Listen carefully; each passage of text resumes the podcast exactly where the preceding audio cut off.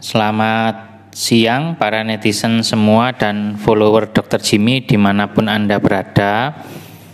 Hari ini Dr. Jimmy mau membahas pertanyaan yang sering ditanyakan di grup macan ternak mamah-mama cantik antar anak katanya seperti itu pertanyaannya seperti ini seandainya nanti boleh memilih untuk vaksin COVID pada anak mereka yang berusia 5 sampai dengan 11 tahun, sebaiknya kita memilih vaksin apa? Jadi ada tiga pilihan, Pfizer, Sinovac, atau Sinovac. Nah, banyak sekali yang bertanya pada saya dan saya akan menjelaskan terlebih dahulu.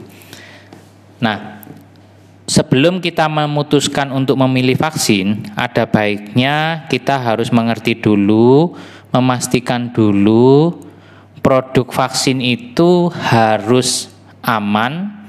Ya, artinya aman ini efek samping yang ditimbulkan tidak mengancam nyawa. Ya, kalau vaksin apa saja yang ada vaksin COVID itu pasti akan memunculkan efek samping. Ya, akan tetapi pilihlah vaksin yang efek sampingnya itu tidak mengancam nyawa. Ya, rata-rata vaksin kan efeknya hanya demam, meriang, badan nyeri semua, lengannya sakit, seperti itu. Nah, yang kedua yang harus dipertimbangkan dalam memilih vaksin adalah efektivitasnya. Ya, efektivitas vaksin itu artinya pada mereka yang sudah divaksin itu akan timbul antibodi. Ya, antibodi ini bisa diukur. Artinya vaksin itu akan bagus kalau bisa memunculkan antibodi dibandingkan orang-orang yang tidak divaksin. Itu yang pertama. Yang kedua, ada nilainya, ada nilai efikasinya dan itu disebutkan oleh produsen pembuat vaksin. Ya.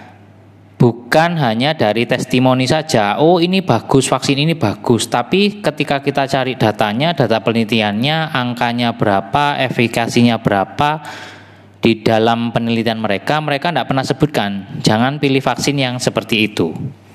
Ya, jadi yang pertama vaksin itu harus aman, efek samping tidak mengancam nyawa. Yang kedua, sudah terbukti efektivitasnya ada data penelitian yang bisa diakses. Ya, bukan hanya dari testimoni saja. Nah, dari sumber yang saya baca dari CDC Center for Disease Control ya ini adalah pusat pengendalian penyakit di Amerika itu untuk anak usia 5 sampai dengan 11 tahun, mereka hanya merekomendasikan satu jenis vaksin buatan Pfizer sampai dengan podcast ini dibuat yaitu bulan November 2021. Ya. Mengapa? Karena memang vaksin buatan Pfizer ini sudah terbukti aman. Ya, efek samping yang ditimbulkan minimal tidak mengancam nyawa. Yang kedua, efikasinya, efektivitasnya itu ada angkanya 90,7 persen pada anak-anak yang sudah divaksin dibandingkan mereka yang tidak divaksin. Dan itu mereka cantumkan dalam press release di Pfizer data itu. Artinya penelitian mereka sudah selesai, makanya CDC merekomendasikan vaksin Pfizer digunakan pada anak usia 5 sampai dengan 11 tahun. Nah, bagaimana dengan vaksin yang lain? Ya, Sinovac, Sinovac mereka mengatakan bahwa itu aman, akan tetapi angka efektivitasnya belum dirilis. Ya, mengapa? E, mungkin sedang dalam penelitian. Jadi bukan berarti kita tidak boleh menggunakan vaksin-vaksin selain Pfizer, tapi harus menunggu update selanjutnya. Ya, Dokter Jimmy lebih memilih vaksin yang sudah terbukti aman dan efektif saja. Jadi kalau di sekolah kalian ada pertanyaan seperti itu, pilihlah Pfizer untuk saat ini. Ya, Sinovac terbukti aman, eh, Sinovac terbukti aman. Kalau AstraZeneca itu belum ada data sama sekali. Moderna terbukti aman, akan tetapi mereka belum mengeluarkan angkanya berapa efektivitasnya itu.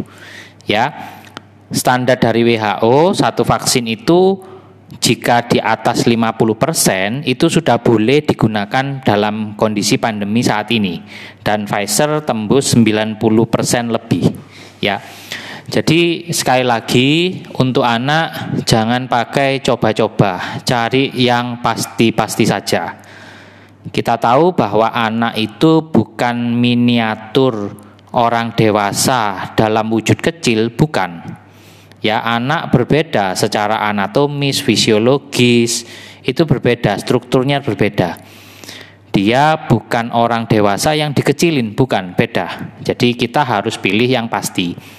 Itu saja eh, dari Dokter Jimmy. Kalau kalian suka dengan podcast ini, kalian boleh bagikan ke grup WA atau medsos kalian.